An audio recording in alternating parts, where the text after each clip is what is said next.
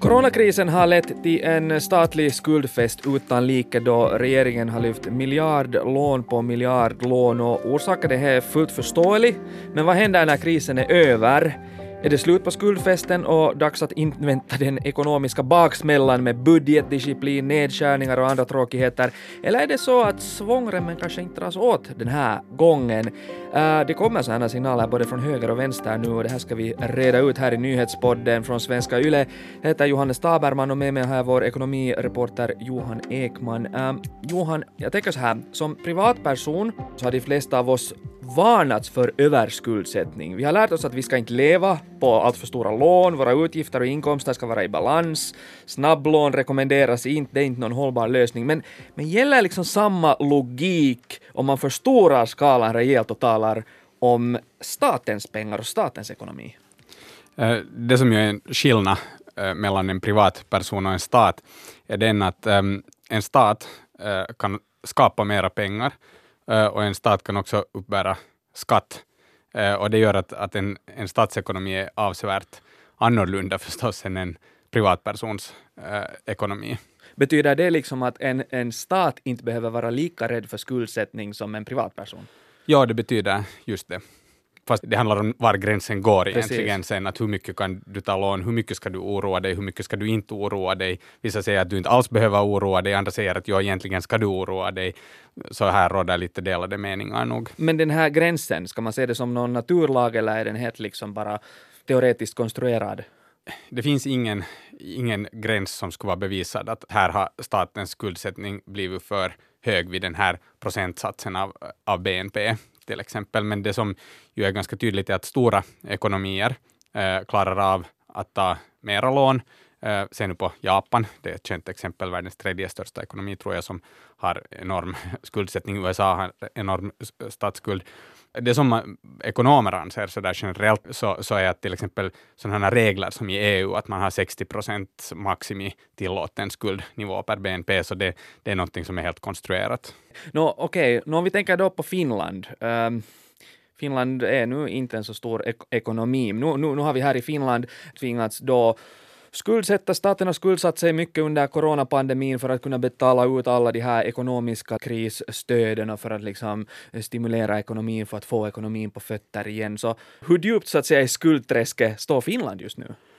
Ja, man kan ju tänka på att vad alternativet skulle ha varit. Um, det var Finland och också andra länder har gjort det egentligen att ha räddat hela marknader har räddats i världen genom att man har tagit mera lån um, om, om man skulle ha stängt av stora delar av ekonomin utan att ta mera lån, så skulle kostnaderna ha blivit otroligt stora. Det tror jag att varenda en håller med om. Och jag tror att man, man har funderat, okej, okay, att det här är mindre risk att ta mera lån. Men finns det liksom inte en risk nu när vi ännu börjar komma ut ur krisen att, att vi drabbas av någon form av miljardblindhet och fartblindhet i den här skuldsättningen och att det här blir på det här att man liksom öser in med mm. pengar? Jag tror att um, i sig så finns det mycket som talar för att nivån på skuldsättningen är inte problemet. Frågan är att vad man gör med pengarna. Och det är det kanske som man borde fokusera på. Att givetvis, ifall man hela tiden ökar på statens underskott, ifall man hela tiden tar mera lån utan att ha en plan för det här, så då i något skede blir förstås eh, det är en ohållbar situation att ha löpande utgifter hela tiden som växer. Mm efter festen så brukar ju den här baksmällan komma. Okej, nu säger jag inte att coronakrisen har varit en fest, men om vi nu säger att, att, att det har spridits ut enorma summor men från statsminister Sanna Marins håll så kommer nu inga signaler på något sätt om att den här svångremmen nu ska dras åt. Tvärtom så fortsätter regeringen att, att vägra delvis göra nedskärningar, kosta vad det kosta vill, eh, vilket också det här farsen kring Veikkauspengarna nu visar. Men betyder det här liksom att håller vi nu på, är vi i ett läge där liksom en större skuldsättning att det, det håller på att normaliseras och, och det som förut ansågs vara liksom förbjudet nu har blivit på något sätt tillåtet? Ja, det har nog skett en viss förändring här. Men det har inte skett helt bara nu i och med den här pandemin, utan vi såg också efter finanskrisen för drygt ett decennium sedan, så såg man att man tog enorma lån egentligen samma personer som hade sagt att, att det är omöjligt att, att göra så här, så var sen för att ta stora lån för att rädda bankerna, Eh, för att inte världsekonomin helt skulle gå i tilt. Nu den här gången så har man räddat inte bara banker utan hela marknader. Så jag tror det att, eh, att man skulle säga att det är omöjligt att göra så här, så det, det stämmer inte. Man kan göra så här om, om man vill. Nu blir frågan sen igen den att vi har ju en massa andra stora utmaningar, som till exempel klimat. Och före pandemin talades det lite om det, men, men inte fanns det, var det så jättestort gehör att, att, att, att till exempel spränga budgetramar för att göra klimatsatsningar. Nu är den frågan uppe på agendan. Ja, precis. Coronapandemin var en parentes som kanske började ta slut, som, som förstås var dyr, en dyr parentes. Det här kostar staterna mycket pengar att ta oss ut ur den här krisen. Men nu som sagt så statsminister Marin har sagt att vi borde liksom börja fundera på att också kanske i framtiden liksom spränga de här heliga budgetramarna just för att kunna investera i klimatsmarta lösningar och styra klimatpolitiken. Men jag tänker att öppnas inte liksom på ett sätt Pandoras ask här, att, att klimatfrågan, det är inte en liten parentes, utan det är ju ett enormt projekt, så betyder det inte att nu är det liksom fritt fram och bara ösa in pengar. Ja, jag eh, fastnade på en sak du sa Johannes, som var att äm, det här blev väldigt dyrt äh, för oss. Uh, jag tycker man kan också vända på det att uh, det visar ju sig att vi i västvärlden har råd på ett sätt, eller att det var möjligt äh, att betala. Och vad var det man betalade för? Jo, man betalade för att minimera liksom en hälsokatastrof.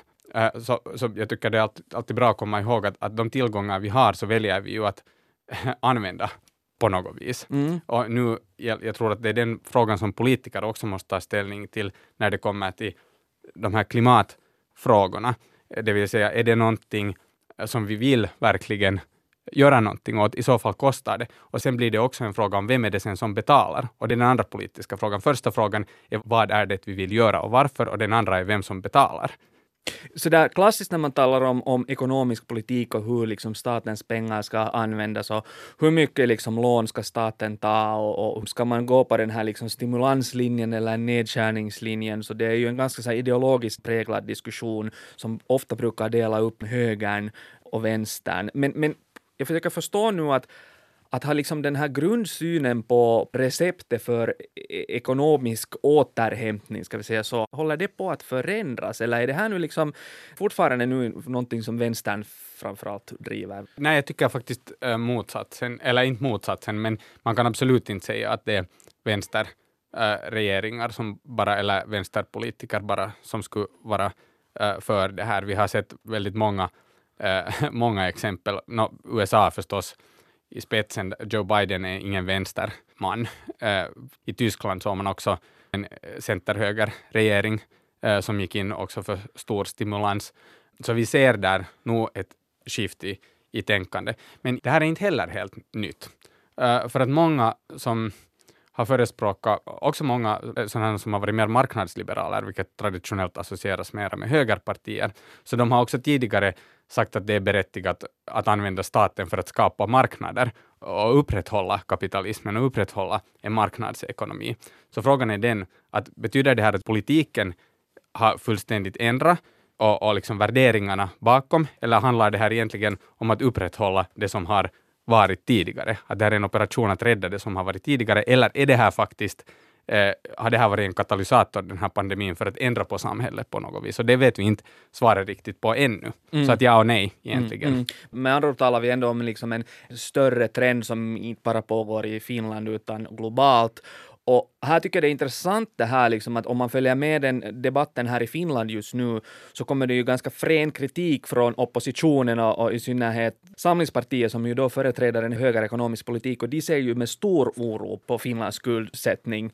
Mm, ja, jag tror också det är viktigt i politiken att komma ihåg förstås att äh, partier som är i regering och opposition agerar också ibland utgående lite från äh, olika slags äh, logik.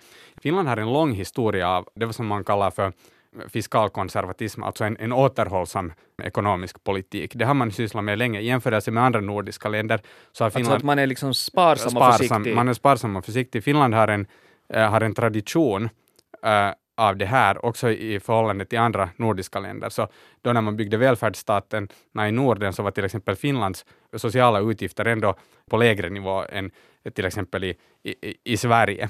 Så att, så att jag tror att vi, vi har en tradition av, av sån här oro för skuldsättning och för, för att eh, använda för mycket pengar helt enkelt. Och jag tror att det kan hända också att politiker um, på något vis tänker på det här i sina uttalanden. Sen vad de gör i, när de verkligen måste ta ställning till frågor, frågor, så då kan man fråga sig att hur olika skulle de sen agera. Det vet vi ju inte, men hur mycket, funderar, hur mycket är det här liksom en generationsfråga? Delvis liksom, man ser vi en ny generation av politiker som nu driver eh, landet, men också när man kommunicerar till väljare tänker jag kanske att kanske en äldre generation som minns mer av 90-talets depression på något sätt är mer präglade av den här liksom försiktigheten, för att då var ju receptet också att ta sig ut ur krisen ett annat.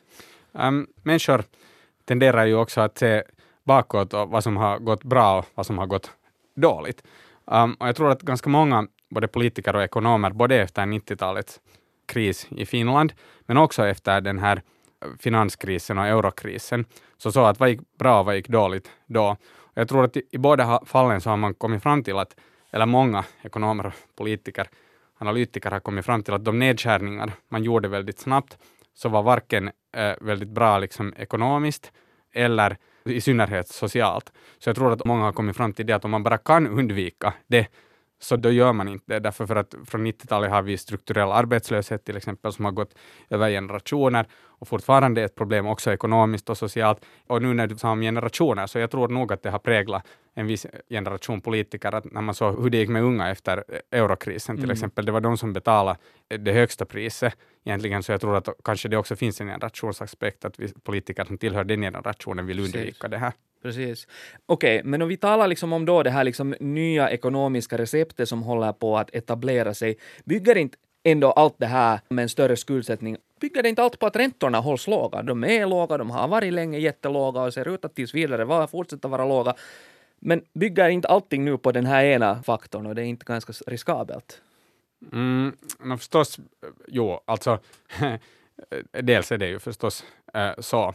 Eh, så sen handlar det ju om till exempel vad Europeiska centralbanken gör eh, och vad Federal Reserve i USA gör, eh, höjer de räntorna. Men sen ska man komma ihåg att trots att de här centralbankerna är oberoende från politiskt beslutsfattande, så tror jag de inte är liksom oberoende av det faktumet att väldigt många människor har skuldsatt sig med bostadslån till exempel. Så både de ekonomiska och politiska konsekvenserna av att höja räntorna är oförutsägbara. Och man brukar traditionellt säga att, som så att när inflationen ökar och att, att det liksom finns nu en automatik att räntorna måste höjas mycket, det är den där traditionella frågan. Men jag tror att det inte alls är så säkert nu att hur man ska agera just av den här orsaken. Det viktiga är att veta vad man gör med de där pengarna, så att man skapar ett förtroende för det, vad man gör och se till att det inte blir överskuldsättning, så att bankerna inte eh, till exempel eh, sen har sådana lån som de inte kan betala eller eller att vi hamnar in i en sån här spiral där vi egentligen bara tar mera lån utan att veta vad vi gör med de här pengarna. Så det är nog värt att hålla i minne. Och just det här vad man gör med de här pengarna man lånar är ju helt avgörande också. Jag menar, det är ju grunden för marknadsliberalismen i sig. Det är ju intressant det här när vi talar om att det här är en sån ideologisk höger-vänster-fråga, men, men jag menar, frågar du den renodlade marknadsliberalismen så säger han att får du billiga lån så lyft för all det så mycket du kan, men placera dem vettigt så de ger avkastning. Eh, exakt, och sen måste man se till att på något vis begränsa det här för finansmarknaden är alltid krisbenägna, att, att, att liksom riskerna växer sig så stora att de realiseras i, i den här vardagliga ekonomin eh, och att vi sen betalar ett stort pris. Så därför är det nog viktigt att man har en plan och att ha, man har reglering. Det är enastående viktigt. Men sen en till sak som jag, skulle, som jag tror att är viktigt att komma ihåg, att i någon form så brukar ändå alltid någon betala. Och om man nu ser på pandemin också, så vi ser ju att, att det har varit väldigt ojämlikt. Eh, de här ekonomiska åtgärderna har ju, som man har gjort har också gjort vissa människor väldigt mycket mer förmögna, medan vissa har, har lidit väldigt mycket ekonomiskt och socialt. Och nu om det blir frågan om att betala tillbaka de här pengarna, så det är där det blir en hård politisk kamp. Vem är det? Är det genom att de som har mest tillgångar ska betala mest skatter? Är det genom att skära ner i offentliga utgifter och så vidare? Eh, så det är en politisk fråga och det är en hård politisk fråga. Det är lätt att spendera pengar, Men sen vem ska betala? återstår att se och det där att betala är inte riktigt aktuellt ännu som det nu ser ut. Johan Ekman, tack för att du kom hit till Nyhetspodden. Tack så mycket. Jag heter Johannes Taberman. Fortsätt lyssna på oss.